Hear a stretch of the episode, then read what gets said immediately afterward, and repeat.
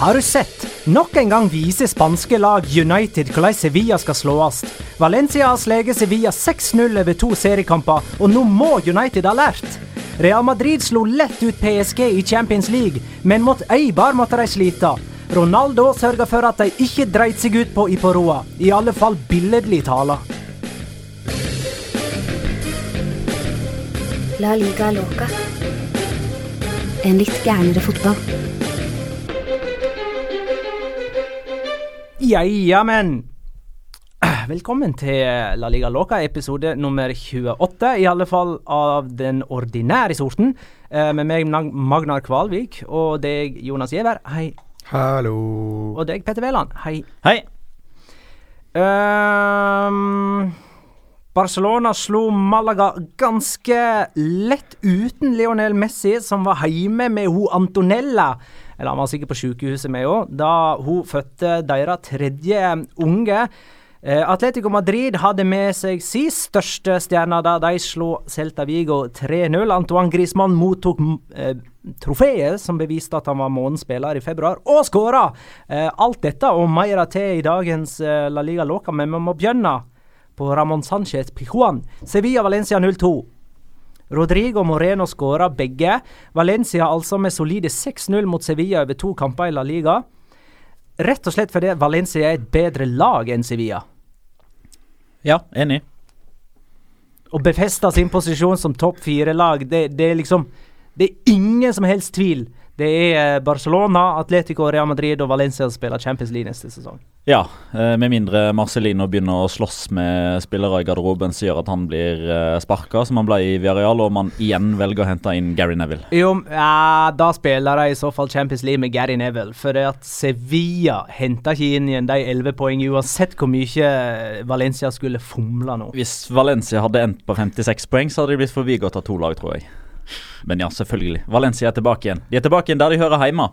Uh, og det er et litt sånn uh, Skal vi si litt sånn historisk sus over det. Altså, det er klart, det er jo ikke mer enn to sesonger siden de var i, i Champions League uh, og ble slått ut da i gruppespillet. det var vel mens vi er inne på han da, Gary Neville som hadde den siste kampen mot Lyon når de røyk ut. Ja, det kan stemme um, Men det føles jo som at det er veldig mye lenger siden enn 2015-2016 at Valencia sist uh, spilte i Champions League. Det føles jo nesten som at det er sånn fem, seks, syv år siden. Så det er godt at de er tilbake igjen, og så er det litt sånn symptomatisk at de gjør det At de på mange måter sikrer den fjerdeplassen mot Sevilla. Uh, det var første gang på 14 år at de vant på Ramón Sánchez Pitruan. Forsøkt 16 ganger i seriecup og europacup, ikke klart det. Forrige gang de vant der, da ble de seriemester i 2004. Tre serierunder før eh, slutt. Da vant de 2-0 borte, og vant dermed seriegullet. Og i mellomtida så er det jo Sevilla og Atletico Madrid som har på mange måter gått imellom. Om man ser på de siste 10-12-14 årene, så hadde Valencia de tre årene på Ravel der de ble nummer tre, med Unai Emery. Eh, da var det liksom én Real Madrid og Barcelona og to Real Madrid og Barcelona. Og så var det Valencia tre. Eh, før det, eh, så, eller etter det, så har jo Atletico Madrid tatt over, samtidig som Sevilla på mange måter har blitt kongene i Europa. Og, og, mellom 2004 og 2018 så har jo da Sevilla vunnet fem europacuptrofeer. Så det, Valencia er på mange måter i ferd med å hente litt tilbake den posisjonen som de har mista til bl.a. Sevilla. og Da er det litt sånn symptomatisk riktig at det skjer på Ramón Sánchez Pitruan. Chris Robin Eriksen skriver til meg Pablo Machin, altså Girona-treneren, er årets trener. Marcelino soleklar nummer to. Ja Litt tidlig kanskje, men likevel? Ja, jeg synes jo José Bordalas burde være bare nevnt der, da. Men, men, ja, definitivt en av de som burde være kandidatene til det. Jeg synes jo, Det er veldig eh, interessant at du nevner det, Petter. At det er jo ikke så lenge siden Valencia egentlig var i Champions League, men det føles så lenge siden ut. Litt også tror jeg fordi man husker jo Valencia i veldig stor grad som et lag som Spilte kvartfinale, semifinale, eh, finale i, i, Champions League. Altså Jon Carew som skåret i straffesparkkonkurransen mot, uh, mot Bayern München i 2001. Mikael Ellingsen, mener du? Mik Mikael Ellingsen, ja. Eh, han var ikke på heimebanen den kampen der, akkurat. Men, eh, men man husker Valencia som et lag som på veldig mange måter kanskje brøt litt opp det hegemoniet Barcelona-Real Madrid, eller iallfall det historiske hegemoniet. Så har de falt litt ned, og så har de vært litt oppe og så falt litt ned. Og så hadde man en sesong med Noni Spirito Santo, og så Det er et lag som på veldig mange måter nå trenger å befeste sin posisjon blant topp tre, blant topp fire. Altså topp top tre er nok satt de neste 20-30 årene, tror jeg. Hvis Nei, nei, nei. nei, nei. Tror du ikke Hvor lenge sa du? 2030? Ja, altså, hvis du tenker på fundamentet, så er det lagt for de neste 20-30 årene. Men selvfølgelig, hvis Vi vet jo aldri hva som skjer hvis Diego Simione forsvinner. Ja, du- skal ikke se vekk fra at Real Madrid eller Barcelona havner på en fjerdeplass i løpet men- av de 20-30 Jo, jo, jo, jo, jo. årene, sånn som har skjedd for så vidt Ja, de siste 10-15 Når var det Real Ja, Madrid nå- kom ned på eh, Nå, nå, nå er du meg, du. Nå er det litt sånn tabloidisering. Det jeg mener, er det at eh, de kommer til Real Madrid og Barcelona kommer til å være én og to. Hvis vi skal regne 20-30 år fram i tid, da. De kommer til å være én og to, mest sannsynlig for det meste, de aller fleste sesongene. 25 eller 20 av de 30 neste sesongene, så kommer de til å ligge 1 og 2. Greit. Uh, Og jeg, men jeg tror at det, Valencia har muligheten for at det til å også knive om de posisjonene like bak, da. I de neste 20-30 årene. Jøsses, nå ser vi langt fram i tid. Jeg er tradisjonsmann, jeg, vet du.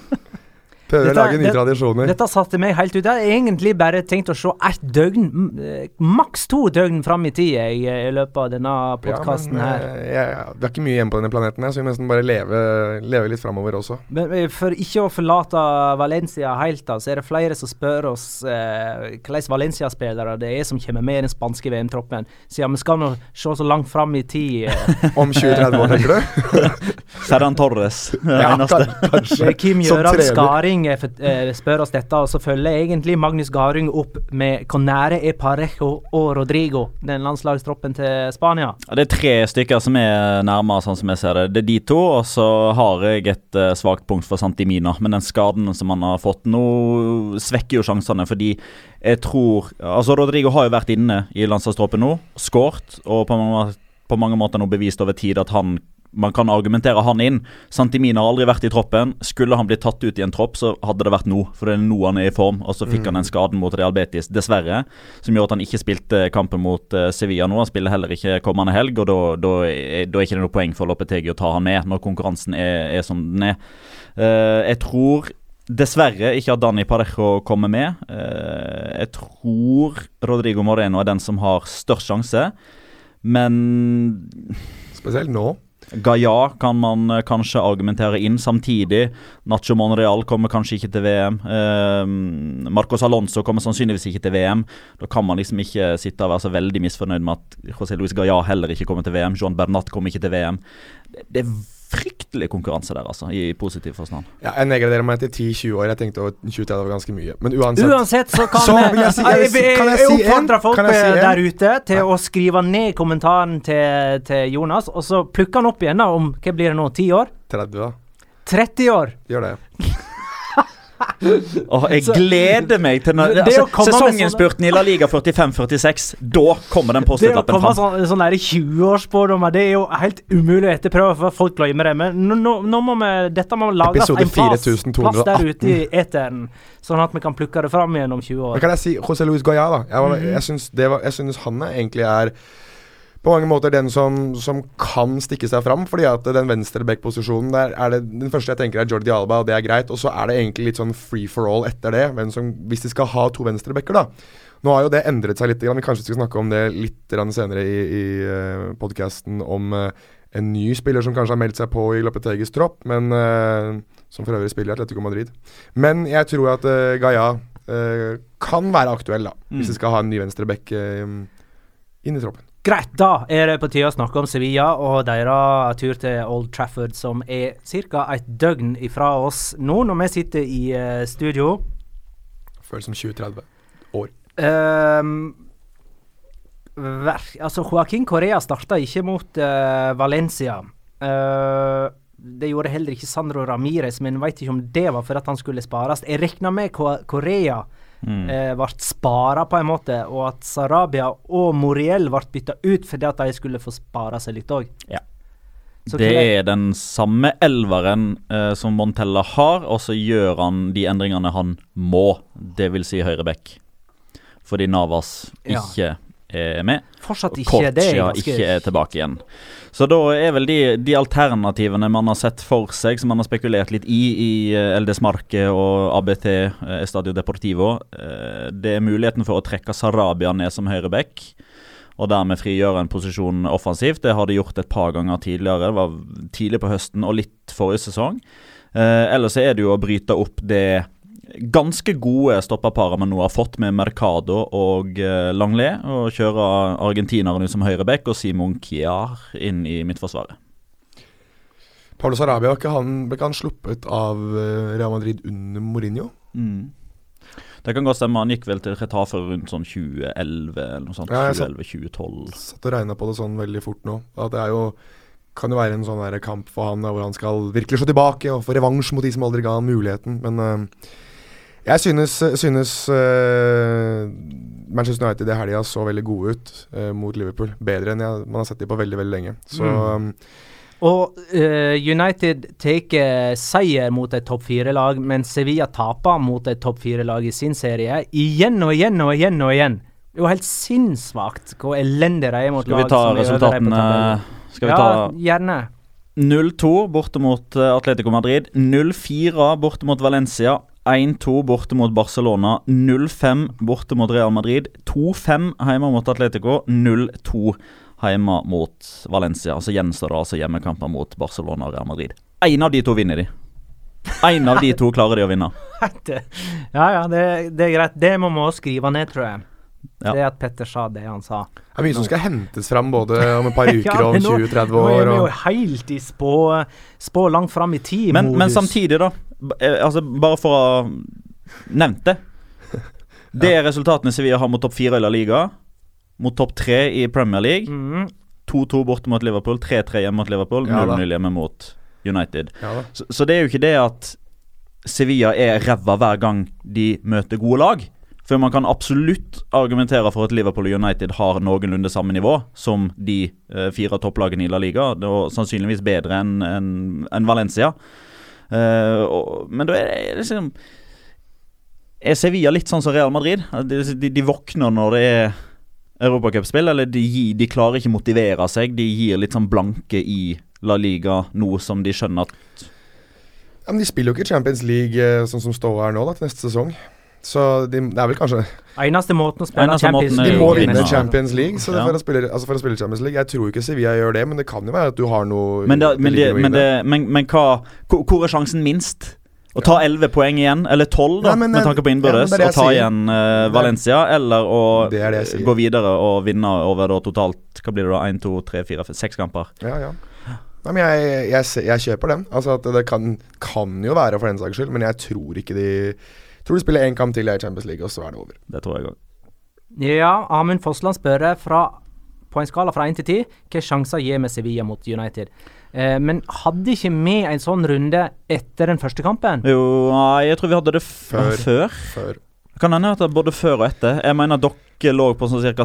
70-30. Du var Jeg vel på på, 80-20. jeg lå på 90-10 i favør eh, 90-10? United. Og, ja, det gjorde jeg. Ja, jeg, det var 80-20. jeg hadde noe sånn 65-35 eller noe sånt, tror jeg. Ja, du hadde, du var Så vi var jo alle enige i Nei, at United var 70-30. du sa sånn at det, det, det er 50 sjanse for eh, Nei, 30 sjanse for 1-1 og 70 Ja, men- sjanse for eh, 5-0. Ja, det var etterpå. For det var etter 0-0-kampen. Den kampen på Old Trafford, som blir spilt Altså Nå spiller vi inn mandag kveld, som blir spilt i morgen kveld. Der, der står det på Det blir enten 1-1, og Sevilla går videre, eller så vinner United 4-0. Der blir det enten-eller. Og det var det jeg mente med 50-50. Ikke at det er 50% sjanse for og mot. Nei, jeg tror ikke du sa 50-50. Men eh, jeg mener bestemt vi hadde denne runden etter den første kampen. Ja, jeg tror i hvert fall at eh, det er veldig sannsynlig at Manchester United går videre. Så jeg, jeg sier 90-10 jeg da i favør Manchester United. Ja, da sier du det samme som meg, med andre ord. Og du, eh, Petter, ligger på sånn cirka. Altså, det blir ni av ti dere i favør United Ja, hvis vi skal holde oss på denne skalaen til Fossland. Ja, Uh, United tar det syv eller åtte av ti ganger. Men uh, um, er det ingen mulighet for at Montella nå skal prøve å tenke seg til avansement med å liksom delja til med en kjempeoverraskelse i startoppstillingen. Det Jeg har en mistanke om at startelverne er ikke så gitt som det vi gir uttrykk for. Det kan jo hende at, uh, at Montella sitter og tenker det samme som, uh, som oss, at her er United store sjanser. Vi ryker mest sannsynlig hvis ting går som normalt. Og United kommer jo antageligvis til å gjøre som normalt, fordi Mourinho er veldig sjølsikker og trygg på at den måten han leder United på, er den beste måten å lede United på anno mars 2018. Eh, altså den, den kampen som de spilte mot Liverpool nå på lørdag Jeg så ikke samtlige 90 minutter med lupa. Jeg måtte følge med Real Madrid samtidig og forberede den kommenteringen jeg hadde på Sevilla. Men jeg registrerer jo at de får jo den kampen inn i det sporet, og de, de gjør jo alt riktig, og man ser litt stort på det. De skårer de to målene. Langball opp på Lukaku, ettertrykk, gode prestasjoner. Litt tur den andre skåringa til Rashford. Så får de én skåring imot, et ulykksalig sjølmål, men etter det så stenger de jo kampen av og, og sørger for at Liverpool ikke kommer i gode avslutningsposisjoner. Det er en taktisk briljant gjennomført kamp av Manchester United. Det er én spiller som på en måte definerer hele Manchester United akkurat nå, da. Og det er en spiller som vi kjenner fra La Liga, Erik Bailly. Fordi når han spiller midtstopper for United, så er det frihet framover i banen for de offensive. For han er så god én mot én. I Premier League så tror jeg ikke det er noen stopper som er bedre én mot én enn det Erik Bailly er. Så når det kommer til fart og fysikk og styrke og, og egentlig det å, å være teknisk god i taklingsøyeblikkene også, så er han enestående til tider. Og jeg tror at det, når han Det var han som skåra sjølmål, det. altså. det var han som skåra selvmål. På, av, hvis vi snakker om ni av ti og sånne. Han hadde aldri klart det en gang til hvis han hadde prøvd. Det der vanvittige selvmålet. Men med han så, så tror jeg United tør å være mer offensive og tør å pøse litt mer på, fordi at de har en så dynamisk forsvarsspiller da som er så trygg på seg selv. Så jeg tror eh, han kommer til å være, være den som er nøkkelen for United. Men uh, veit du hva som felte Liverpool, spør du meg? Det var at de gang etter gang sendte Lovren i duell med Lukaku på de lange oppspillene, i stedet for at han kunne heller bare prøve å plukke opp nedfallsfrukten. La Lukaku gå alene.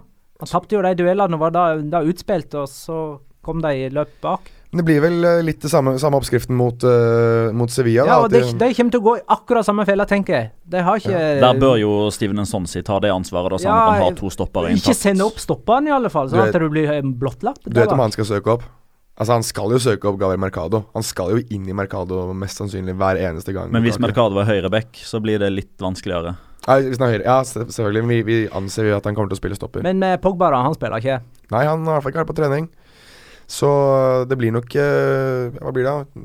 Matic, McTominay og kanskje Sanchez bak Lukaku. Og så Rashford ut ene sida og Martial eller noe sånt ut, ut høyre. Så det blir jo masse fart da på sidene for United. United. Jeg mener Enten det er Miguel Lajon eller eh, Gabriel Mercado på høyre, høyre bekk og Sergio Escudero på andre, så kommer det til å trykke Valencia Nei, eh, Sevilla ganske langt bakover uansett.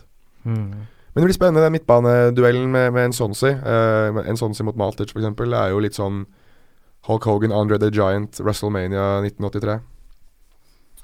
Og der var vi plutselig 35 år tilbake i tid. Jeg liker å se ut som jeg er 30 år, så det er jo greit. Før vi forlater denne kampen Sevilla-Valencia helt, så er det mange som uttrykker bekymring eh, for Sasa og lurer på hvordan det går etter den alvorlige hodeskaden eh, han fikk. Tror det går greit, jeg. Åh, det minner meg om eh, Var det i Brasil? Det der legendariske klippet. Det er innkast på venstre side, ganske høyt opp i banen. Det er en chilensk uh, høyrebekk som spiller mot Brasil, Ja. som eh, smeller Er han, det han tar tak i høyrearmen til angriperen da, og slenger den i eget ansikt. det er en ecuadorianer, enten eller. Ja, Det er noe med gule drakter. Så han eh, Ja, det, og blir liggende. Jeg tror det er Christian Cueva, om jeg husker helt feil, som spiller eh, Eller i hvert fall um, Eller Christian Cueva han heter. Chelsea-spiller, hvis, hvis det er noen som husker hva han heter. Eller hva han heter for noe. Men for de som ikke har sett Sasas situasjon, så er han i løpsduell er det med Vasques. Franco Vasques, ja. Og bøyer seg altså ned mot arm albuen hans. Får albuen sikkert Det virker, borti- det virker som at han skal lukte på albuen, liksom. Ja, og så får han vel albuen i panna, da, og legger seg og heller seg for panna. Og, og det tok ganske lang tid før han eh, lot det ligge òg. Lang tid før han på en måte bare ga det der opp. Dommer gikk heldigvis ikke på. Greit, vi får eh, gå videre. Eibar Real Madrid 1-2. Cristiano Ronaldo med to mål. Ja, vi eh, Petter snakket om at vi muligens må begynne å si unnskyld til Cristiano Ronaldo snart. Sånn som vi eh, par av oss her har Jeg snakker for meg selv, men at jeg har tvil på at han kanskje var litt over the top. Nå er han on fire. Hvor mange er det nå, Petter? Er det noe sånn ti mål på fem kamper eller noe sånt nå? I ligaen? Nå har Cristiano Ronaldo 14 på de siste åtte. I La Liga 17 på de siste ti uansett turnering. Det, kan, jeg, kan, jeg komme, kan jeg komme med en sånn stykke òg? Fordi jeg sjekket Jeg, jeg lurte veldig på um, På diverse statistikker om hvor, uh, hvor uh, han lå på, på skåringslistene. Og uh, han ligger på tredjeplass nå i La Liga. Så han ligger jo bak uh, Messi og Luis Suárez, men han ligger foran Aspas, foran Grismann. Han har fortsatt ikke runda 20 mål. Jeg tror ikke han klarer det. 18 skåringer! Jeg elsker staheten din, Magnar. Men Ja, Suárez har, altså, Suárez er 21, Messi er 24. Altså, han, han er jo ikke langt bak, da. Suárez har 20, Messi har 24. Ja, hva er det, hvilken scoring er det? Det er fortsatt den Alaves-skåringa. Den, den blir ikke Luis Suárez sin, uansett hvor mye man prøver. Nei, ok. Jeg bare ser at uh, La Liga selv skriver det. Men det er greit, vi kan godt, jeg kan godt bli med på det. Men uansett, da. Det er en to mål bak Suárez, da. Det er jo enda bedre for ham. Men eh, de var mer overbevisende mot Paris Saint-Germain enn mot eh, Eibar. Sier det litt om eh, Paris Saint-Germain, eller? Det sier litt om Eibar og spillestilen. Uh, fordi nå har Vi har jo vært veldig eh, positive, og det skal vi være, til, til Eibar. Det skal vi være nå òg. Men, men det som mangler for Eibar, er at de, nå må de snart klare å stå distansen mot de tre store. Altså De har spilt eh, på hjemmebane nå mot Atletico Madrid og vært bedre spillemessig, skapt flere sjanser og tapt 1-0. De har hatt eh, besøk av Barcelona og hatt mange store sjanser på stillinga 0-0 og 0-1. Får 0-2 i, i sekken eh, på tampen i stedet.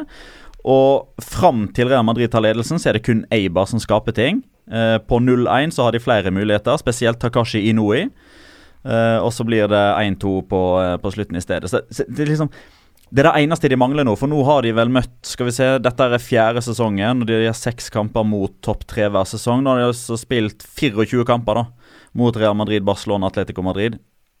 Én uavgjort, 23 tap. Det er det de mangler for liksom å ha, ha gjort alt da i La Liga etter eh, deres målestokk. Men eh, Cristiano Ronaldo har våkna til live akkurat eh, når det spisser seg til i Champions League. Det ser ut som at Lucas Vasques og Ascencio har gjort òg.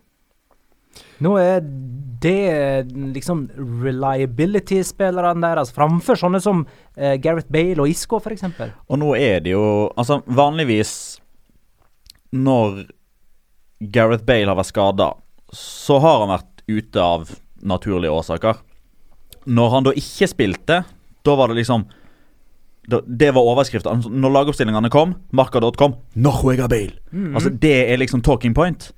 Og når Bale ikke starta noe mot PSG, så var det liksom sånn Juega Ascensio.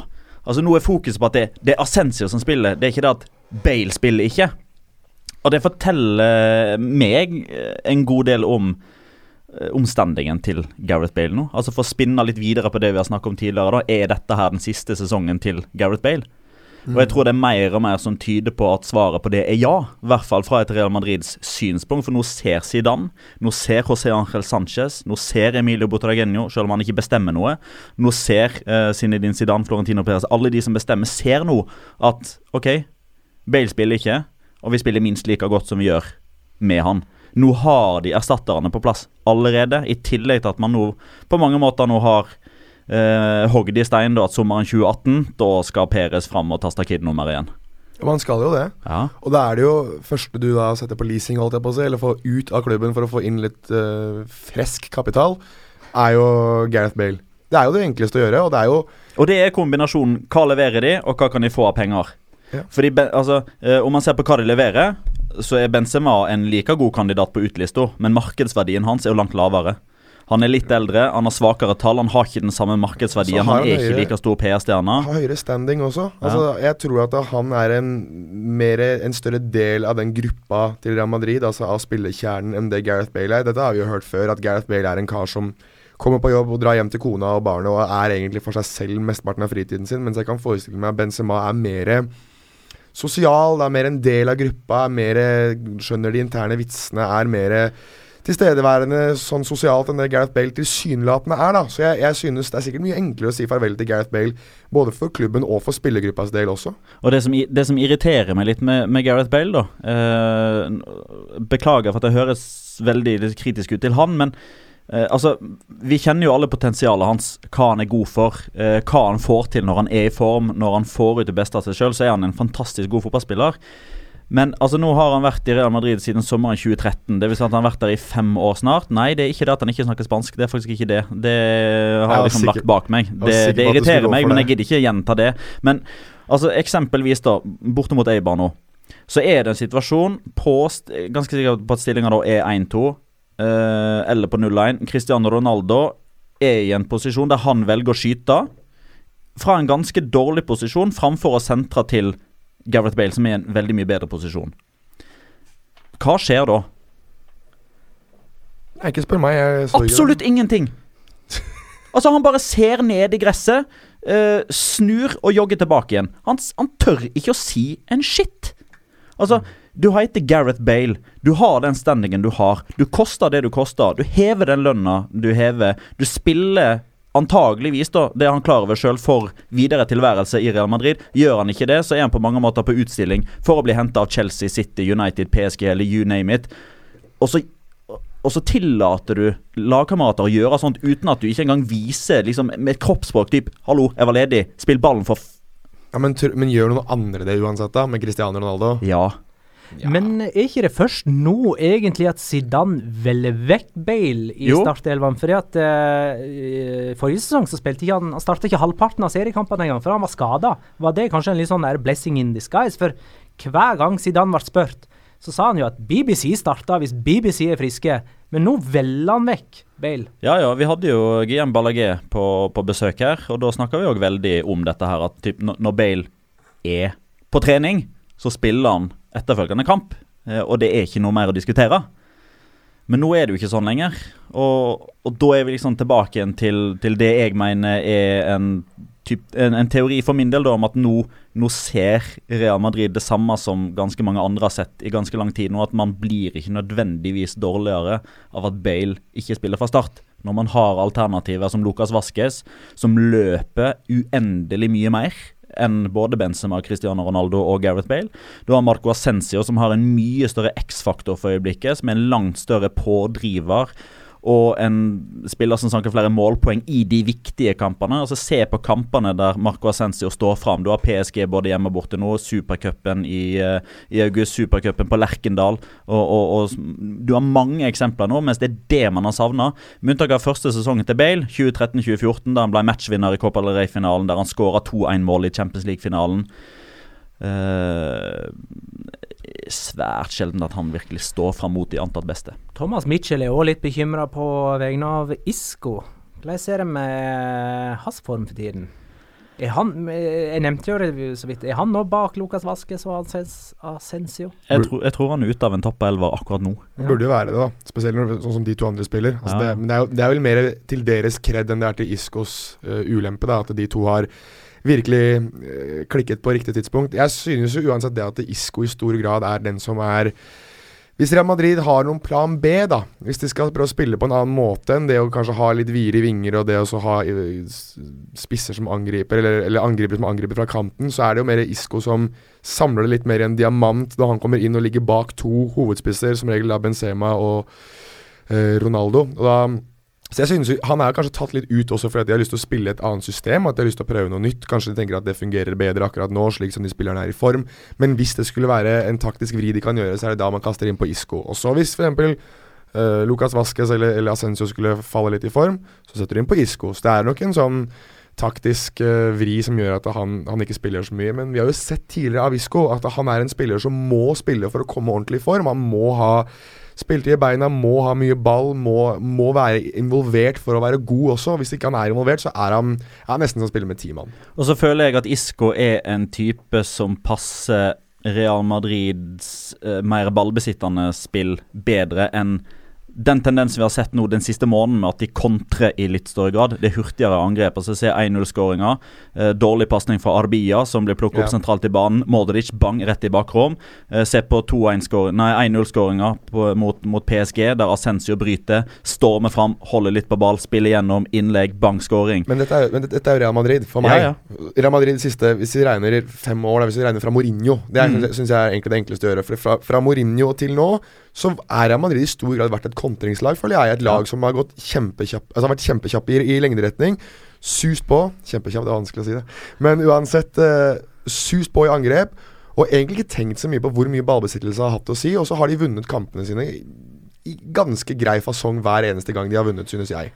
Men, uh, Men jeg må bare få si en ting. Altså Alle vet at jeg digger Isco, men jeg, det var en, fan, en fantastisk eh, et fantastisk bilde på Isco som fotballspiller akkurat nå.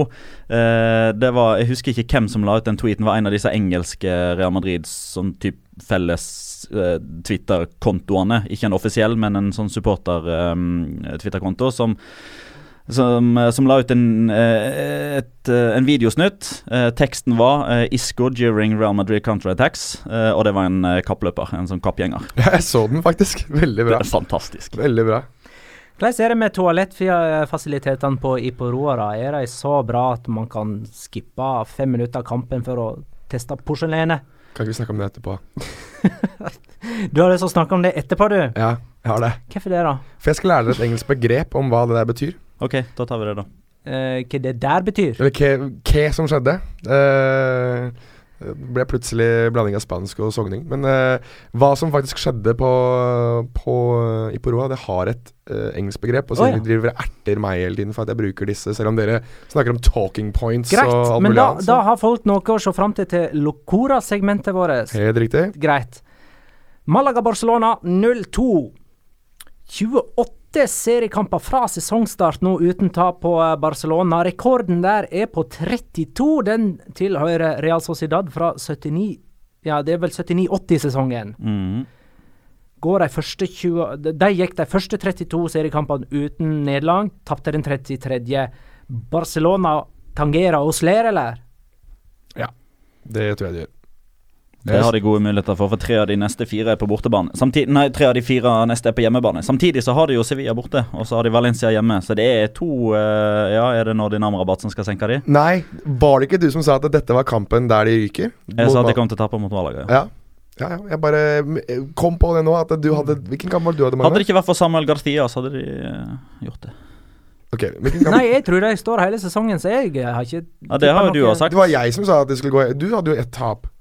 Du Ja, sa det er tap. Du hadde tap, altså. Levante i nest siste serie. Ja, det var det. Okay. Levante. Ok. Bort- Ja. Ja, jeg, bare, jeg bare må notere meg hvem av oss som lengst Jeg kjøper meg en ny lottokupong da, og sier Celta Vigo borte. Ja, du må gjerne si det. Det er, det er lov Så det betyr at de tar eh, La Liga-rekorden mot Valencia, og så har de tatt rekorden, og så senker de seg litt opp på Balaid, og så taper de alltid. Jago Aspa skårer hat trick og sånn. Null stress. Da har vi fått den. Pasningen fra Alba til uh, Suárez. Uh. Gir en shout uh, til den. Men det var, Skåringen til Coutinho, uh, er assistert av Dembele. det var uh, Det var en eh, 250 millioner euros skåring. Jeg skulle til å si flopp 1 og flopp 2, som uh, vartet opp med litt briljans. Ja, det, eh, det var noen lekkerbiskner levert av Barcelona, uten Messi altså, som er far for tredje gang. Eller iallfall far til tre. Chiro, det? Chiro. Chiro. Messi. Skal si Chiro Immobile ga Ja. sin hyllest dagen etterpå. Ja, jeg, Ja, jeg, var ja. det jeg lurte på om det kanskje var omvendt, at, eh, at eh, ungen ble oppkalla etter den uh, Chiro Immobile-skåringen Du Antonella, så du Chiro her, eller? så du Immobile? Så da har han Og hun full i sånn eh, bedøvelsesgass og bare ja, ja, ja.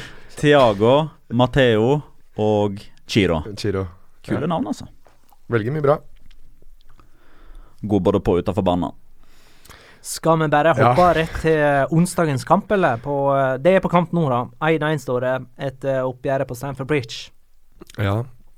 Uh, ja, Karsten spør hvem starta mot Chelsea, Paulinho eller Gomez? Jeg, jeg må bare få sagt før vi, før vi snakker om det Jeg så, jeg leste veldig kjapt over intervju med, med André Gomez i dag i Panenka. eh, Det spanske, spanske utgaven av Josimar. Veldig godt intervju. Kjempebra intervju, men, men det var- gjorde vondt å lese det. For han, sier, han innrømmer jo det selv at det, den siste tiden så har det vært vondt å, å spille fotball. Ja, for det er rykende ferske intervju. Ja, det er det. Ja. Om dagens Kom i dag. Ja. Om dagen i dag, liksom. Ja, det var, var, det i dag, var det i dag jeg leste det? Ja, det Ja, det, det, det, det sånn- kom ut i dag, Ja. eh, men det er vel Panenka som skriver det. Det er vel den spanske ekvivalenten til Josimar. Ja, så det kan jo hende at det er kommet en ny utgave i dag, at intervjuet nødvendigvis ikke er gjort i dag. Men uansett aktuelt er det. Ja, veldig aktuelt. Og han er veldig åpenhjertig og forteller om at det, er- at det gjør vondt, og det ikke ha, ikke, at det ikke er gøy å spille fotball akkurat nå, og at han ikke føler seg tilpass. Og, um, og det er jo Vi snakker Ukomfortabel med å gå ut og være blant folk Ja, når jeg- han ikke er på trening og sånn. Ja, jeg kom ikke så langt i intervjuet. Men eh, altså, at han rett og slett ikke har det bra med seg selv akkurat nå, da, eh, virket det som på det intervjuet. At han var veldig ærlig. Uh, og da tenker jeg jo litt tilbake til Jeg får jo selvfølgelig litt dårlig samvittighet for så, så mye som vi har harselert med han bare her, men jeg tenker jo det at uh, man glemmer litt det humane aspektet ved det også. Men hvis han har det så vondt og sliter så mye, så lurer jeg også litt på Har du da uh, den mentaliteten til å spille i Barcelona? Og si da La oss nå si at eh, han blir syndebukk i en kamp som det her da mot Chelsea, at de ryker Synder. synder da mot Chelsea. At de faller på Eller sklir på et bananskall, som det du ville sagt. Uh, hvis de hadde røket der, og, banana, og, han, eh, og, han, og, han blir synde, og han blir synderen, så lurer jeg på hvordan han kommer til å, å, å komme tilbake fra det. Altså har han det som skal til for å, for å spille i en klubb som Barcelona? Er det, er det jeg satt igjen med etter å ha lest det lille utdraget jeg leste, da. Mm. Eh, men for all del, uh, ekstremt trist å lese at en, at en profesjonell fotballspiller, uansett hvor mye penger han tjener, og uansett hvordan, hvilket liv han lever, at han skal ha det sånn. For det fortjener han ikke. Men dette var det jo en i Premier League som uh, snakka veldig åpenhjertig om for ikke så veldig lenge siden òg, mener jeg å huske. Jeg husker ikke navn, eh, jeg husker ikke om han er aktiv eller om han la opp. Men Aaron, Aaron Lennon som ble lagt inn med Ja. depresjon. mm, Han var det. Så ja, det, altså det, vi glemmer jo litt det her, da. Men for å gå tilbake til det vi egentlig skal prate om, altså om, om det er André Gomez eller Paulinho som starter Jeg tror at det blir Paulinho. Jeg tror at det blir han, rett og slett fordi den der Jeg synes at mot Chelsea så må du ha en del fysikk, da. Jeg tror det blir Dembélé. Oi. Ingen av dem, altså. Ingen av de to, nei. Nei. Og det begrunner jeg med én. Uh, André Gomez, uh, litt på bakgrunn av det eh, Jonas her sier. Dette her får selvfølgelig Ernesto Valverde med seg. Dette har Valverde garantert snakka med André Gomez om allerede. Da tror jeg ikke Det kan godt hende at, at jeg tar helt feil, og at man bruker litt sånn omvendt psykologi. At for å backe opp André Gomez, så blir han sp- spilt fra start. Ja, men ikke en så viktig kamp. vel? Nei, det er nettopp det jeg òg tenker. Der er Fallhøyden er litt for stor etter at man går ut på en mandag og sier at eh, man sliter med bortimot depresjoner, man har lite selvtillit, man er redd for å gjøre feil og sånn. Og da spiller han fra start mot Chelsea i sesongens viktigste kamp. Tror jeg ikke det kommer til å skje. Paulinho sliten, stakkar. Altså, jo, men altså, han, eh, han kom jo fra, han kom fra kinesisk Ja, ja, fotball. ja, seriestart i mars. Han hadde ikke hatt sommerferie. Det er landskamper hele tida når det ikke er klubbfotball. Han har hatt det gående i ett år uten stopp nå, og det er fortsatt to og en halv måned igjen av sesongen. Har ikke sett like god ut nå. Han var fantastisk god på høsten og gjorde alle kritikere til skamme. Nå har han ikke bidratt med noe særlig i, i 2018. Samtidig så ser jeg mer og mer av det man ønsker av Dembélé. Samtidig så tror jeg at eh, Valverde og Barcelona nå er litt tjent med å tidlig sette standarden mot Chelsea. Ikke la den um, komf Ikke komforten, men ikke la sjøltilliten la seg bygge opp i Chelsea-forsvaret. For man vet jo hva slags plan Chelsea kommer med. Chelsea Conte italiensk. Altså Her skal det De skal ligges bakpå, det skal kontras. Da trenger Barcelona noen andre enn bare i hermetegn Messi som skal være boksåpneren. Da trenger de X-faktor i litt større grad enn hva de eksempelvis gjorde på Stamford Bridge. Der var det helt riktig å starte med Paulinho eller André Gomez, alt dette som i stedet for Dembélé. Men på hjemmebane så syns jeg at ståa er litt annerledes nå, etter at Dembélé starta mot Malaga, fikk en god opplevelse. Jeg syns det var den beste kampen han har spilt til nå. La han flyte videre på det. Uh, Rekker Iniesta-kampen, spør eh, Jon Roaldsnes. Ja, han gjør vel det. Du har vel lest, Ser sånn ut. Leste i spansk presse Det var i dag. Både Iniesta og Dembélé fra start her, eller? Iniesta venstre, Dembélé høyre, Mm. Rakitic, Busquets sentralt, Messi Suárez der framme. Ja, jeg har ikke noe å utsette på det. Da har vi for så vidt svara på eh, det spørsmålet. Hva skal vi tro om uh, Chelsea, da, siden vi er inne på det? Um, Der har de fått en ny katalysator, plutselig. William er jo, Ja. klarer, jo ikke å slutte å enten levere målpoeng på, eller med mål eller med assist. Han er jo helt eh, on fire om Det er han som leverer. Det er han som leverer, det er han som leverer målene, i hvert fall. Så det er, Chelsea kan jo fort finne på å spille uten en uh, Kall det en, en registrert spiss, da, nå, i hermetegn. Ja, Som okay. i det omvendte oppgjøret. Men Ja, hvem men- skal de kontra på da, Nei, tenker men jeg? eh, i- Ifølge Guardian nå, så, så skal Conte visstnok forhøyre seg med spillerne om hvordan de ønsker å starte på eh, kamp nå. Gud, så diplomatisk. Ja, ja. Eh, for eh, Hazard har jo åpen, åpenlyst uttalt at han funka ikke, funka ikke som noe sånn her falsk ni-greie. Han virka seg litt mer Ja. ute til venstre bak spissen. Man så jo det mot Manchester City, blant annet. Der det nesten var parodiske tider. At de bare sto og så på Manchester City spille Mm. fotball. Og, de, og de, de møter et lag som spiller litt likt, tidvis, i Barcelona. Ja, og da, da er det ting som tyder på at Giroud starta. For Morata mangler jo både form og selvtillit. Det er kanskje ikke et dumt valg, det. Giroud altså, For all del, er, man, mange kritiserer Giroud, og han er kanskje ikke en spiss i verdensklasse, men fysisk kommer til å gå i alle dueller. Kommer til å være, for å bruke det engelske begrepet, pain in the ass for uh, Piquet om Titi. Så det er eh, han Altså, fysikk, da. Hvis du skal regne fysikk, så, så ville jeg starta med Giroud framfor eh, Morata, og framfor også uh, Azard, åpenbart. Ja, Um, jeg er litt usikker på om jeg hadde valgt Altså Jeg er ikke usikker på om jeg hadde valgt Giroud. Altså Giroud er jo alternativet. Uh, det, er den det er han som er den spisstypen. Men jeg veit ikke Altså Jeg sliter med å komme med mange eksempler på Kall det fyrtårner som har vært nyttig på bortebanen mot Barcelona når man skal kontra. For da skal det gå kjapt. Altså Jeg, jeg kan se Nei, man må for det bruke kantene. Man må bruke Alonso og man, han, jo, det klart, altså, Marcos Alonso, Victor Moses og Edna er- De er jo kjempe... Han er ikke rask, nei. Nei, nei, ikke rask, men når det kommer til å linke opp og være en spiller som, som skal sette opp angrep Jo, men, jo, men hør.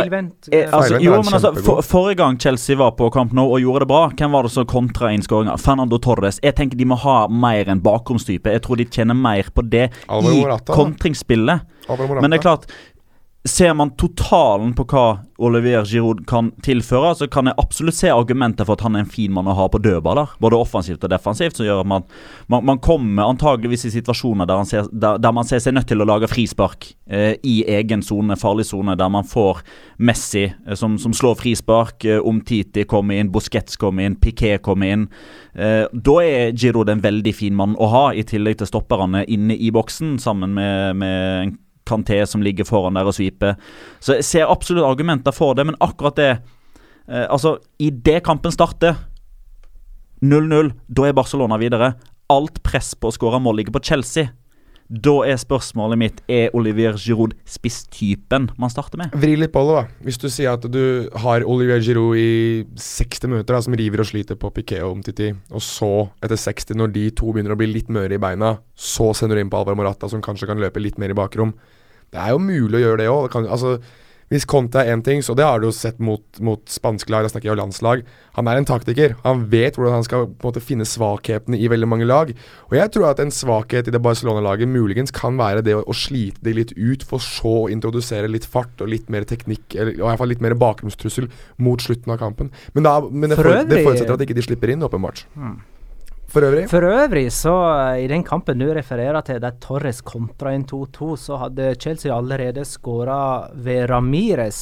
På stillingen 2-0 til Barcelona, så Barcelona var på det tidspunktet videre. Etter òg at John Terry hadde fått rødt kort, så det var ikke en kontringsskåring Chelsea skåra det veldig viktige målet med. Det var motetablert. Mm. Det kan jeg fort gjøre nå òg. Jeg har en, eh, jeg har en sånn jeg, og, nå refererer jeg altså til eh, sesongen 2011-2012.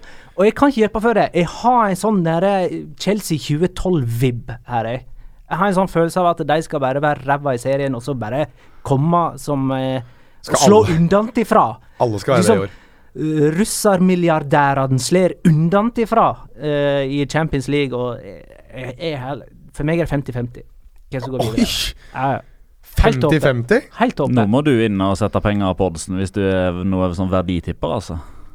Hva de det er, mak det er maks bet i så fall. Nei, der er jeg 90-10 Barca. Det er ikke så mye. Jeg er 75-25 Barcelona. Men det er nesten sånn der 50-50-greiene er like gæren som mitt 20-30 år med Valencia og Atletico Madrid. Altså. Jeg, jeg baserer det på, eh, på statistikk. Altså, Hver gang Messi har skåra i et dobbeltoppgjør i Champions League, så har Barcelona gått videre. Hvem skårte i det første oppgjøret? Messi. Men statistikk er til for å brytes på et tidspunkt. Men han har Altså. ennå ikke skåra i det andre oppgjøret, Petter. Ja, men det har ikke noe å si. Så lenge han skårer i én oh, ja. av de to. ok, da så. Det er bare Ronaldo som skårer i alle kamper i Champions League denne sesongen. her Hver gang siden 2006-2007. Hver gang. Det skal brytes en gang, det òg. Skal det, altså. Hvordan var Chelsea mot Crystal Palace? Sa du noe om det? Så du kampen, eh, Jonas? Ja, jeg gjorde det. Jeg synes de var dominerende, men jeg synes ikke Crystal Palace er noen målestokk akkurat. Da. Mot slutten så ble de jo, falt jo litt bakpå, slapp jo inn først én, og så skulle strengt tatt uh, Det virka på en måte så, så eh, tafatt i den kampen om Champions League-plassen der, selv om liksom alt lå servert for deg denne helga. Ja, eh, som du, som du påpekte i stad, det kan jo være at de, de er litt sånn som Sevilla var inne på tidligere, og Real Madrid som vi har vært inne på tidligere i flere podcaster, at de tenker at det er i, i eh, Champions League de skal hevde seg, og det er kanskje det de ser på som veien til Champions League neste sesong også. Men jeg synes ikke de var noe sånn kjempegode mot uh, Crystal Palace. Siste, som sagt, siste ti så er de ganske åpne bakover. Da Wilfred Zaha kommer inn på i andre omgang, så mm, er du en individualist, på lik linje som det f.eks. Dembélé er, som skaper litt eh, trøbbel i rekkene deres og ødelegger strukturen bak. Og så skal strengt tatt vår norske venn Alexander Sørloth ha en scoring der òg, som hadde gitt de 2-2. Så det Eller på det tidspunktet hadde det blitt 2-1, og så hadde van Arnold skåret 2-2. Men um, uansett, så, så Nei da, de Jeg vil si 75 om 70-75, så er Chelsea ganske solide. All right. Skal vi la den ligge? Kan vi godt. Ja, nå må vi videre her, ser jeg. Atleticos helter 3-0. Griezmann skåra. Det samme gjorde Vitolo, faktisk. Eh, og så kom eh, Angel Correa inn og uh, skåra òg. Målet til Griezmann, da, folkens. Jeg bare nevner han tok imot trofeet først, eh, som eh, prover på at han var månedens spiller i februar. Eh, og Da skåra han altså åtte mål på tre kamper. Og så fulgte han opp med et av de beste eh, målene hans denne sesongen. Hæ? Ganske snasen. Ja, han er eh, er vel, eh, for å bruke et engelsk begrep, on fire. Det er vel ikke, vi har vel ikke sett Har vi sett noe lignende fra han før? Å skåre så mye? Nei, det er liksom Cristiano Ronaldo Messi Målgiveren da til Vitola. Det var den, eh, Den var den enda var veldig, veldig fin. Og så var han tredje sist på 3-0-skåringa. Jeg syns den var finere, den målgivende. Den Mm. eh, var nydelig. Skåringen er jo Ja, men jeg liker sånt. Det er Det hvor, er det er som å sammenligne pære og eple, eller Ja, banan og eple, eller hva, hva nå det uttrykket går leis. Compare apples and pears. Der er vi. Vi er, skal egentlig Men Alexander. Larsen spør eh, Atletico Madrid sin viktigste signering til sommeren, Antoine Griezmann. Får de beholde han? Nei. Jeg tror ikke det, altså. Men det, det skrives jo eh, Eller det ble jo sagt av eh, Antonito Ruiz, som eh, følger Atletico Madrid veldig tett for Cadena Coppe, at de skal gjøre et ordentlig forsøk. Altså, man har egentlig gjennom hele høsten og vinteren på mange måter hatt en stille aksept overfor Antoine Griezmann om at greit, dette er den siste sesongen. Og tidvis, sånn som han presterte i høst og i vinter, så tenkte man òg at kanskje det er greit at vi får de 100 millioner euroene, og så får vi eh, dyrka Angel Correa, vi dytter Diego Costa videre, Vitolo kan få en ny vår og sånne type ting. Men, men nå viser jo Griezmann igjen da hvor god han egentlig er, og da tror jeg òg at eh, de som sitter og styrer og steller på toppen, Enrique Therese og Diego Simione og sånne type ting, jeg, jeg tror de kommer til å gi det et ordentlig forsøk, men jeg tror ikke de lykkes. Nei, jeg er enig, jeg. jeg ah, men, men er det en person som på en måte våkner opp om morgenen og tenker ja, Nei, vet du hva, jeg tar et år til. Er, altså, Griezmann er kanskje den, den superstjerna som jeg føler at det er mest ambivalent, og er litt mer sånn Han gjør ting på feelinga. Sånn Hva syns du om feiringa hans? La du merke til den? Nei, hva er det du gjorde for noe? Hode, skulder, kne og tå. Har ikke han kjørt den en gang tidligere også? Han har kjørt noen sånn barnesanger en gang tidligere, med Ja, sånne ja. krokodillefeiringer og litt sånn. Ja, noe sånn, eh, men nå var det hode, skulder, kne og tå, og så så han liksom opp på, på VIP-tribunen der. Så Ja, er sikkert er ganske sikkert at dattera sitter der. ja, det er nok det der. Ja. Han har jo for øvrig en av de, eller to av de mest legendariske feiringene fra det altså Sociedad-tida, når de spilte i Segunda.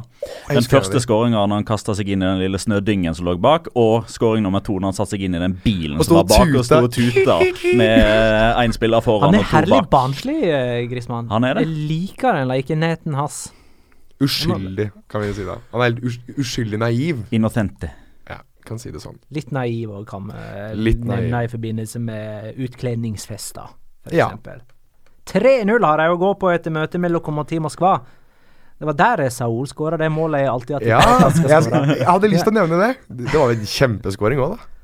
Ja, er der snakker vi golato. altså. Sto stille og skjøt. Altså, det virka på, på et tidspunkt der så var han liksom bare så forbanna på at det ikke var noen lagkamerater som ville ha ballen. Ja, Så bare Greit! Har, no, har, har dere lagt merke til det dere også? At han er blitt sånn sint sånn, altså, Og får det ut på en god måte. Altså De siste par kampene så har han vært sånn ordentlig forbanna. Sånn, det var vel, Jeg husker ikke hvem det var mot da han spilte defensiv midtbanespiller. Det var sånn, det er jo ingen som gidder å spille bak her, så da går jeg bak og bare rydder alt sammen rundt. Hvem var, var det det? Ja. Og da var han også sånn sint og forbanna og banna og svarta og bare så ut som han ikke likte noen eller noe i livet. Han, Og han forsøkte jo å gå i nærkamp med favoritten din, uh, Alberola Rojas. Ja. Han uh, backa unna ganske galant. Ingen rører Alberola Rojas. Nei, men jeg, jeg synes det er kult eh, Altså, På mange måter da, så klarer han å kanalisere den, den, den, den rabiaen sin, da, som du sier på spansk. altså Den forbannelsen til, til å bli noe bra. Og sånne spillere er, er det ikke så veldig mange av. For Mange av de mister hodet, eller, eller egentlig bare blir destruktive for de rundt seg. Mens han ser ut som han får det ut på en helt annen måte. og det... For en spiller som har et ekstremt høyt tak, så kan det, det kan være en X-faktor for han framover i karrieren, synes jeg. Så det er spennende, og jeg syns han er en spennende spillertype. Skal vi legge litt press på oss sjøl, Jonas? Prøv da. Jeg har ikke lagt nok press på meg selv med alle veddemålene jeg taper, eller? Se Jo, men nå har jo du lagt deg fram 20 år i tid, altså. Det er jo helt sant, det. ja, men altså, vi Snakk om eh, press! ja, kom igjen. Innen utgangen av 2019 Mm. så skal La Liga Loca ha hatt en eksklusiva med Alberola Rojas. Oi. Ja, vi kan eh, Ja. Mm. Vi kan godt eh, legge det som eh, vi, Altså, vi har jo allerede Heller han enn Matheo Lahos, for en, en podkastepisode med, med Matheo Lahos, det blir fire timer. Det er veldig mulig. Uh, ja, men vi kan jo prøve oss på det. Uh, da, for folk, det, er så mange, det er så mange spor de skal stoppe her nå, og så notere seg og tweete til oss om ikke vi klarer eller Minn oss på det jevnlig. Legg press på oss, eh, kjære lyttere. Ja. Men uh, dette betyr jo at alle fire topplag vant denne serierunden. Barcelona toppa La Liga med 72 poeng av 84 mulige. Det er ganske formidabelt. Eh, de er åtte poeng framfor Atletico, som er sju poeng framfor Real Madrid, som er ett poeng framfor Valen Valencia. Og så er det jo elleve poeng ned til eh, femteplassen, og da passer det for oss å gå gjennom eh, de øvrige rundekamper. Mm, og da skal vi innom en um, potensiell nyhet her som uh, kommer til å uh, Altså For å si det sånn, da. Hvis det var hett i Baskaland før, så blir det hett i Baskaland i sommer. Ja, skal vi bønne i Baskeland, da, mener du? Ja, la oss gjøre det. Dette har ikke jeg fått med meg, tror jeg. Nei, for det, kom, det, det kommer nå. Ja, men Da sjekker jeg ikke Twitteren min nå mens jeg sitter her. Nå skal jeg live reaksjon. OK, begynner vi med Atletic, da, eller? Er Samme hvilken av de to store du begynner med. Oi! Ok, Atletic Liganes 2-0. Raúl Garcia skåra begge mål. Da har han runda 100 og 101 i La Liga. I antall Eh, i. I sin profesjonelle karriere, så det er inkludert eh, Å ja, det er landslag uh, Europa Champions League, Å ja, Champions ja, League, eh, Copa del Rey. og sånt, ja. Ja, riktig. Ja, ja, men det er jo greit. De Mhm. fucka opp i eh, Europaligaen eh, mot Marseille. Explicit. Eh, Tapte 3-1 mot Marseille. Eh, dette tror jeg ikke de snur. Eh, med mindre nyheten til Petter er så gigantisk at Stakkars Stakkars det gjør seg gjeldende all allerede nå. Ja. Eh, vi kjenner jo Altså, du har nevnt han før, uh, Oyer Fano. Ja, han er eh, flink. Hyggelig type. Veldig god eh, kunnskap og kjennskap om det som skjer i og rundt Real Sociedad. Mhm. Skriver han noe på Twitter, eller retvitrer han noe på Twitter, så ligger det noe i det. Han er ikke noen ryktespreder, eh, eller sånn. Nei, Eh, og det som kommer fra en eh, Twitter-bruker, som er en journalist, og som da blir retvitra av vår eh, gode venn Oyer Fano Det som blir sagt, er at uh, kommende sommer så er det en spiller som går fra Real Sociedad det. til Atletic Club. Jeg veit Åh. Åh. Det er ikke Miquel Oyarzabal. Det er ikke, ok, det er ikke han, nei. Det er ikke Alvaro Odriozola. Det er Asier Iaramendi. Det gir jo mening, da. Det gir fryktelig mye mening. det gir veldig mening òg. Og det Samtidig, altså hvis uh, dette forholdet mellom de to klubbene er dårlig nå, hvis fansen til Real Sociedad allerede er på bristepunktet etter Inigo Martines affære nå i januar Boff. Hva er utkjøpsklausulen til eh, Iramendi? Står det der? Det ligger på rundt 40, tipper jeg. Iaramendi, 28 år, har skåra sju mål denne serie, eller, i La Liga denne sesongen, og har vel sin beste sesong. Mhm. Uh, har ikke han det? Lars Håkon Pedersen spør om det. Han har sin beste ja, ja. sesong. I alle fall eh, hva angår skåringer, men jeg Ja, også han òg eh, Altså, han er, han er helt der oppe nå som han var eh, den sommeren han vel ble U21-europamester, når de slo Norge i semifinalen, og han gikk til Real Madrid senere den sommeren. Lars Håkon eh, spør òg eh, hvor mye Iaramendi ligner på Veland eh, på en skala fra 1 til 10. Den har vi gått Ingenting nå. Nei, nå har Petter, eh, Petter barbert seg. Ja, jeg Men sier siden- sånn men- men siden- fire. Men siden Petter begynte å gå ned i vekt, så har det blitt mye, mye likere, syns jeg. Så jeg, jeg. Når Petter med skjegg, så sier jeg Det er det som er syv. målet mitt. Det er derfor jeg går ned i vekt. For du skal spille for Atletico neste neste Jeg skal se ut som Masiri Adamendi. Jeg skal inn og være erstatteren hans uh, i Real Sociedad. Stunt double. Sømløst. Ja, men uh, Español Real Sociedad 2-1. De tapte jo Real Sociedad. Uh, Henter de den offside-fella rett ut av ei eh, lærebok, eller? Altså, jeg Jeg har prøvd også eh, på mange måter finne ut litt sånn hva, hva Real Sociedal egentlig er, og det er Jeg tenker at det er på veldig mange måter et, et uh, sånn filharmoniorkester hvor du har all mulig nydelig musikk og all mulig potensiale, men så er det en eller annen drita onkel på en eller annen familiefest som står og guider dem fram og tilbake og skal egentlig bare høre på Jokke og Valentinerne og det som er som skal Nei, altså han, han Eusebio Sakristan er så håpløs til tider at han, han virker ikke som om han det virker ikke som han har noe som helst kred med spillerne lenger. Det virker ikke som han får det til å endre Eller endre på noe som helst av system. For, de virker ikke som de tror på ham. Eller de vet ikke helt hva de skal tro. Altså de, en, nå de, de så veldig veldig bra ut uh, første par kampene med, med Moreno og Moya, og nå er de tilbake igjen til gamle synder. Og da tror jeg ikke lenger at det bare er spillerne som underpresterer. Da er det han på toppen. Eh, og det er da Sebo Sakristan, som burde ha vært sparket veldig mye tidligere i sesongen. Real Sociedad prøvde altså å sette offside-felle på Español, men i stedet for å felle dem, så lot de fire Español-spillere stå alene med keeper. Batistao uh, skåra, og det ble 1-1-målet før Gerard Moreno først bomma på en straffe, men satte returen til 2-1. Og da hadde William José ført Real Sociedad i ledelsen i eh, første omgang, og han er klar for Brasil nå, hører jeg. Ja, Ja. da, tatt ut han. Brasils landslagstropp Han kunne ha valgt Spania òg. Han Ja. kan jo velge Spania selv etter disse kampene her òg, da. Han, det er jo, Mm. det er jo Ja, bare det er jo ikke tellende kamper. Nei, så han kan jo strengt tatt spille for Spania. Det har jo Costa gjorde vel noe sånt nå, at han spilte noen vennskapskamper for uh, Brasil, og så uh, spilte for Spania i VM. Så det, Ja.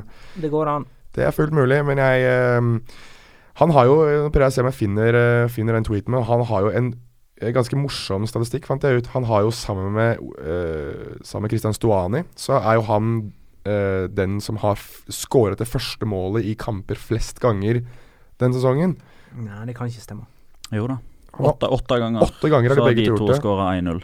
Og det er, og Men dette var jo jeg inne på Han var Stuani, ja, Christian Ja, Stuani og William Stuani Men Stuani han har flere. Nei, åtte. Åtte ganger så har de to skåra 1-0 i sine kamper. Ok, da har Stuani skåra det første for sitt lag, da. Det er enda flere ganger. Ja, okay. For det var jo vi inne på i Mm. forbindelse med at han sendte uh, Real Sociedad i ledelse mot Barcelona. Da tok jeg en gjennomgang av de minuttene der han hadde skåra. De aller fleste kom den første halvtimen òg. Men jeg synes at han han har gjort det i tidligere sesonger òg. og det er uh, Han og Maro Mandzukic har jeg alltid sagt at det er kongen av det å skåre 1-0. Og han har nå en liten utfordrer i, i William José, og tilsynelatende også da Christian Stuani. Ok, der gikk min lokora, bare sånn at det er sagt. Unnskyld. Mm, uh, men da, da er det gjort. Du holdt på å ta min i stad, så Eh, hæ? Du holdt på å ta min i stad, så det er litt sånn ja. payback. Ja, men da kan jeg bare ta det at Stoani Han har skåra åtte ganger det første målet i kampen. Var det sånn? Ja, 1-0. s- Og så elleve ganger det første målet til laget sitt, og det er av 15 skåringer totalt. Mens f.eks. Cristiano Ronaldo har bare gjort det tre ganger. Eh, Første gangen, altså skåra det første Du skulle ikke gitt hele vekk, da. Det var jo masse igjen på Ja, den eh, der. men uh, nå er den locoraen uh, omme. Ja, Girona Deportivo 2-0. Stuani skåra det første målet i kampen. Juampe det andre. Litt moro med en sånn britisk eh, Twitter-konto for eh, Girona som kjørte sånn Michael Jackson-tematikk under livedekningen. Ja, eh, det så jeg. Det var gøy. Hadde sånn ABC, one, two, three, Stuani. Fytte rakkeren. Girona på sjuendeplass, fire poeng nå ned til Eibar. Og vi er klar over at eh, eh, den sjuendeplassen gir Europaligaen, sant? Ja. Ja da, vi er klar over det. Neste kamp på Santiago Bernabeu. Følge opp den katalanske konspirasjonen. Mhm. Suleiman ville man ta det ved gul shorts uh, for Deportivo la Coronia. Det var liksom det eneste jeg noterte meg av, som var verdt å si noe om Deportivo la. Coronia. Det er så trist, altså. Det er så trist, det der Depor-laget. Det, det er det eneste ordet vi klarer å fiske opp om Deportivo hver, hver episode. Ja. Men uh, det er veldig mye lystigere med Las Palmas, da, som tapte 2-0 for uh, Villarreal.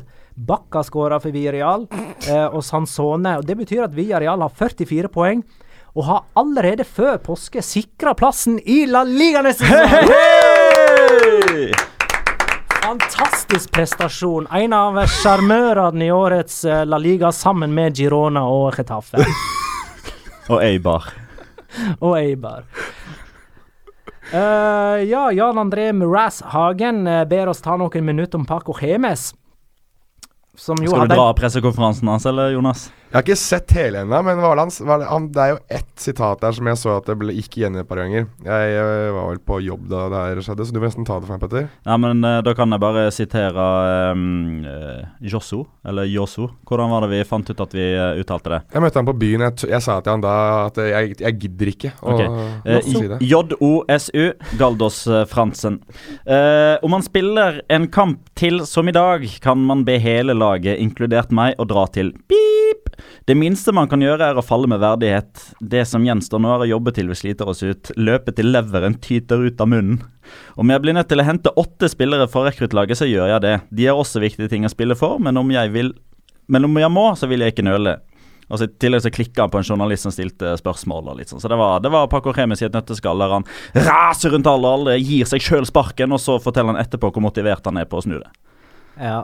eh, han, han, han har en sånn her 'inkludert meg'-greia der, før han går på åtte av sine spillere. Uh, så jeg veit ikke hvor mye han egentlig ville inkludere seg sjøl i uh, kritikken. eh. Ja, han, han sier i hvert fall her at uh, 'meg først' er det jeg fant, fant inn Hva skal vi Ja, kalle det for noe? Svaret hans her. At han sier at vi kan begge to, eller alle sammen, beep, og så eh, Men meg først. Dra en viss plass. Dra en viss plass. Mm. Ja, han er fargeklatt uh, i dobbel forstand. Getafe Lavante 0-1. Fin tan på han. Var det du skulle fram til? Nei, han går jo i rosa slips og ja, sånn, ja. rosa slips Ja, og jeg. turkise skjorte og øh, blå Ja, dressjakke. Jeg har jo sagt det før, at hvis det er et lag og en trener som passer best sammen i La Liga, så er det Las Palmas og, pa og Paco Hemes. De er jo som skapt for hverandre. Det er jo fest og galskap hele veien. Getafe Levante 0-1. Kåke, han tidligere Sevilla-spilleren, vet du, skåra for eh, Levante borte. Uhyre viktig seier for eh, Levante. Eh, jeg trodde jo at de fire nederste lagene hadde bare bestemt seg for å tape alle gjenstående kamper denne sesongen, men så kommer altså Levante og vinner, og er nå fire poeng over nedrykk. Deres første seier i 2018. Ja, det sier ikke så veldig mye eh, egentlig om dem. Jeg synes de er, Ja, men det, er jo nett, det sparker jo treneren sin Jo, forrige sånn, ja, men uke, jeg- og nå eh, de er Jeg syns de, er- Lopez. synes de er grå å se på, jeg. Syns de er sånn Jo, jo, men nå må de vel egentlig bare gjøre det som eh, gjøres må, for å sanke poeng. Jo, for så vidt. Altså, ja ja, for all del. Altså, sikre poeng der de kan, men det er fortsatt uh, det laget jeg syns Dessverre å si det, men det er det kjedeligste laget å se på i La Liga. Mm. Syns jeg. Malaga er enda kjedeligere. Nei, for det er alltid noe som skjer i de kampene. Det er dessverre alltid i, i deres desfavør, ja. Men de er alltid morsomme å se på, synes jeg. Bunn to, vi er enige. Cool. Ukens La Liga Locura. Locura. Locura. Locura. La Liga Locura. Christian Stuani har skåra 15 mål for Girona. 11 Messi har f.eks. skåra 24 mål for Barcelona. Bare åtte av dem er Barcelonas første mål i kampen, mens altså i. som jeg trodde var ferdig på øverste nivå for lenge siden, da han eh, kom hjem med halen mellom beina etter et opphold i Middlesbrough. Han har fått et nytt liv! OK, neste Locora. Petter kan ta først. Jeg kan ta det. Jeg har allerede tvitra det. Eh, så for de som følger med på Twitter, så er ikke det en veldig stor overraskelse. Men eh, vi skal til Retafe mot eh, Levante. Det var jo en kamp som hadde en av de dommerne i La Liga som deler ut flest kort, og to av lagene som da altså får flest kort i løpet av sesongen. Dette ble kortbonanza. Det er ikke Locoraen at det ble elleve gule og ett rødt. Lokoren er det røde, og hvem som fikk det. Eh, det er ikke uvanlig at spillere får direkte kort for protester fra benken. Uh, det skal ikke så mye til for å bli bortvist fra benken når man protesterer, fordi da har man ikke typ heat of the moment. Da har man ikke den unnskyldninga eller forklaringa. Eh, men det var altså da eh, Levante sin andre keeper, slash tredje keeper, alt etter som eh, hvordan man vurderer det, Kåke Vegas, som fikk direkte rødt kort. Og Det betyr altså at han står bokført med ett rødt kort i La Liga. Det oppsiktsvekkende her er at antall minutter spilt i La Liga for han, det er null. Gjennom ikke tidene, Gjennom tidene. Han har aldri spilt et eneste minutt i La Liga, eh, men han har blitt utvist fra, eh, i en La Liga-kamp. Så det er godt gjort. Cocky Vegas ser ut som et pornonavn, da. Det må jeg bare få sagt. Ordentlig eh, Ja, Der fikk han sin andre utvisning. Ja, den er grei. Cocky Vegas. Ja, det er Kokk Cocky Vegas. Cocky Vegas eller Ja. KUKE E Vegas og Ja, ja, nei, nei, Ja. men det er masse, mange muligheter der. Ja da, det er greit, det. Eh, jeg skal dra min, og jeg skal faktisk eh, eh, bruke Petter, eh, en tweet fra Petter for, eh, for første gang. Som jeg syns er veldig bra, for du, du oppsummerer det veldig veldig bra, uh, det som skjer. Fordi det er jo Twitter-ros til Petter her. Wow! Ja, jeg får Dæven, altså, nå ble jeg varm om hjertet her. jeg får, så, jeg får så mye 12. mars 2018. Jeg får så mye pepper av Petter av at jeg ikke leser tweetsen hans. Nå skal jeg faktisk lese opp en tweet fra, fra Petter om eh, handlingsomløp på Iporoa. Hendelsesforløp. Hendelsesforløp, herregud. Ja, da blir jeg jævlig sliten. Uansett, 73-48, innkast til eh, Eibar. Kikki Garcia får skadebehandling en periode. 74-26, innkast tas. Ingen Sergio Ramos på banen. 77-39, Real Madrid forsvarer, en corner med kun ti spillere. 77-57, Sergio Ramos entrer gressteppet igjen. Hvor var han i mellomtiden, ifølge sin incident? På do! Han hadde jo da forlatt banen fordi eh, som de sier på engelsk, nature calls. Det skrev han selv på sin uh, Twitter-konto, at han måtte på do. Uh, og i et litt mer hva skal jeg si for noe ufiltrert intervju med Zinedine Zidane, hva ble spurt hva som hadde skjedd med, med, um, med Ramos, så sa han at han dreit litt på seg. Og da skal vi til, til det interv- Da skal vi faktisk til Sa Zidane eller? Ja, Mm. han, Han dreit, dreit litt på seg. han dreit litt på seg, og da skal ja, vi cagado un poco. Ja, han har bæsjet litt på seg. Ehm, eller har bæsjet litt, da. Altså uansett, da. Uansett, det jeg tror har skjedd, er det engelske begrepet som kalles å, å få en liten chart. Ja, ja, men det var det Philip Seymour Hoffman som uh, sa han det, han også? diska opp det begrepet i uh, Along Came Polly. I just charted. Ja, jeg så det i eh, Å gud, oh, film, det er en film med Adam Sandler. Der han sier, Ja, han det. det er han. Ja, det er ikke den filmen der. Jo, Philip Seymour Hoffman er kompisen til Adam Sandler i den filmen, og det er han som sier det. Du utfordrer ikke Magna på film. Ja, Det er ikke den filmen jeg skulle fram til. Mr. Deeds! Der uh, er det en som charter seg selv også. En operasanger som charter seg selv. Uh, uansett, så uh, En chart er jo da når du tror du skal fjerte, og du driter litt på deg også. I think I charted myself. Så jeg kan forestille meg det, at Sergio Ramos sikkert kanskje har hatt litt grann eh, luft i magen. Kan det hende at han Ben bytter Ben Stiller er det eh, Det er ikke Adam Sandler. Ja, OK, vi får ta dette der etterpå. Vet du hva, Nå skal jeg søke opp mysteriet som jeg sitter der. Uansett, chart forekom på, på Iporoa. Det var Sergio Ramos. Og eh, ja, litt gøy når spillere må løpe av banen for å gå på do. Det skjer ikke så ofte. Vet du hva tyskerne kaller han for nå? Nei. Das Ramos. Skal jeg ta, skal jeg ta sånn uh... Den har jeg hørt i Espen Askeladden. Det er riktig, det er Per eller Pål Askeladd som uh, uh, Som ler hånlig av Espen Askeladd før han skal begi seg ut på nye eventyr. Eh, Mr. Deeds kom i eh, 2002. Uh, Along Came Polly kom i 2004. Så hvis Charted ble brukt i Mr. Deeds, så er det derifra, ja. Ganske sikker på at det er det. Ja. Uh, men jeg er iallfall helt sikker på at Philip Seymour Hoffman sier det i Along Came Polly. Til Ben Stiller, ikke Adam eh, Sandler. Nei, det er greit. OK. eh, var vi i mål? Er det noe vi burde nevne? Med, med din sånn type Min Locora. er ferdig. Locora min er ferdig. Men jeg kan Det Mista tråden, ja. Den der uh, Askeladd-latteren. var veldig kul latter. Kan jeg, komme med, kan, kan jeg komme med det som jeg egentlig ville inn på litt grann tidligere i episoden? Jeg skal gå veldig fort gjennom det. Det må være jævlig Eksplisitt. Eh, Lucas Hernandez, der eh, snakket vi jo ikke så veldig mye da om at han nå har meldt seg klar for eh, det spanske landslaget istedenfor å spille for Ja, det Frankrike. det, ja. Eh, så der er det jo en eh, potensiell game changer for det spanske landslagstroppen. For der har du jo en eh, kanskje den beste, eller den- den mest Den spiller med best form da i forsvar eh, de siste par ukene i, i La Liga. Kanskje til og med i Europa. Så hvis han fortsetter formen sin, så tror jeg han må inn i en spansk landslagstropp. Tror du ikke det, Petter? Ja, Enig. Da går vi til tipping.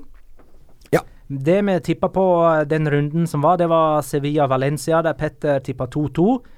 eh, Med Rodrigo Moreno som første målskårer. Null poeng for resultatet, men to poeng for første målskårer. 16 på Petter, som samla poeng på disse første målskårergreiene sine. Veldig ofte feil resultat. Jonas 2-2, med Nolito som første målskårer. Det er null poeng. Mm, det er det. Magnar hadde 2-3 med Ben Jedder som første målskårer. Ett poeng for at jeg i det minste hadde Valencia-seier. Uh, Merka at eh, man burde få flere poeng for det der, ass. Kanskje alt burde ha gitt to poeng. Uh, men uh, samme det. 10-10 da, oss imellom, Jonas. -hmm. Kommende kamp. Jeg, jeg har plukka ut via Real Atletico. Mm. En annen godbit der er jo Deportivo mot Las Palmas. Ja. Men, 0-0. eh, Første målskårer. Eh, men eh, skal vi ta Villarreal Atletico, eller? Ja, det syns jeg vi skal. Da blir det noen mål, i hvert fall. da Villarreal har hatt et veldig godt tak på Atletico de siste sesongene. Carlos, Carlos Bacca snubler jo inn skåringer om dagen, så. Nei, han snubler baller utenfor åpent mål, og så banker han inn skåringer. Ja, det blir det jo. Men det er så vondt å se på. Han skal runde keeper. Han er, vel, han er kanskje en av de flinkeste i Europa på det, å runde keeper, men det ser jo grusomt vondt ut hver gang. Det ser jo ut som han bare skal knekke sammen når han er på vei rundt. Men, men. Min digresjon om det. Um, real Atletico ender 1-2, Én, to og den som skårer det første målet Det er Diego Godin. Mot gamleklubben. Nettopp. Ja, ja. Det er Jonas, det er din tur. Ok. Eh, 0-1. s- s- OK. 0-1 Diego Costa. Kosta. Jeg har satt 1-2 Kosta. Eh, det er jo eh, Det er jo litt drit det da, når vi har så lik tipping. Jeg, Ja. og, jeg og eh, Petter har det samme resultatet, jeg og du har samme første målskårer. Alle har likt Skulle ha vært litt utfall. friskere? Alle har borteseier. Har vi kommet på Men kan vi ikke bare bytte til Deportivo Las Palmas, da? Skal vi gjøre det, eller? Nei! Nå må jeg tenke på nytt, holdt jeg på å si. Nei, kom igjen, da. Vi, la, vi lar det stå på den Vi får la det stå. Ja, det er en fordel for meg at det tippes likt. Jo, men vi driter i deg, Petter. Det handler om meg og Jonas. Hvem som skal unngå tap. Har vi, har vi funnet, Det er har nedrykkskamp. Det er nedrykkskamp. Har vi funnet ut uh, straff? Jeg synes vi, Nå må vi få stålsatt det snart, hva det, er, hva det er vi skal gå for. Stålsatt. Kan ikke, jeg er dritsliten. Jeg har, vært, jeg, har, jeg har sovet to timer i natt, liksom. Hogga i stein. Ja, jeg, jeg, gjør, meg klar, gjør meg klar for at jeg skal høre dritt fra deg de neste 20-30 åra om Atletico Madrid og Valencia. Nei, altså eh, eh, Straff og sånt. Ja, Petter skal kommentere en kamp på tredemølla. Jeg må snakke bokmål gjennom, eller østnorsk, da, gjennom en hel uh, episode. Men det er jo ikke noe straff for deg. Du, det er jo, du er jo Nei, det er straff for alle som lytter, og, og for så vidt Nei, også, det er det jo ikke. Det er jo festlig. Det er jo noe av det morsomste som som kan hende det finnes. blir festlig for dere, men ikke for meg. du synes Og du må si he-he. Tradisjonen tro. Du må starte hver setning med tradisjonen tro, og avslutte hver setning med he-he. Mm, Igjen, det går bare utover lytterne våre. Det gjør Det gjør Så kom, Og, og vårt eget så kom, eh, kom med forslag. jeg, jeg har jeg, Dette er vi dårlige på. Jeg på Å finne sånn eh, straff og Ja, belønning. 10 000 til vinneren, da. Ferdig. jeg har en potensiell, eh, en potensiell straff for den som kom på sisteplass, da. Men det forutsetter jo at eh, Nei, vet du hva, jeg syns, syns den som taper, må synge altså, de første to versene av uh, Sevillas hymne på i slutten av en episode. Eventuelt i begynnelsen. For det er, jeg syns det er Men hva er dritkleint. straffen i det, da? At det er kleint å synge. For meg, da. Skal jeg, kan jeg ta den straffen? Igjen er det bare lytterne som egentlig blir straffa. Ja. Med- For vi kommer ikke til å grave det fram om 20-30 år når jeg sitter der eller venter på at uh, Men uh, denne ukas episode er altså. ferdig. Ja, det er den.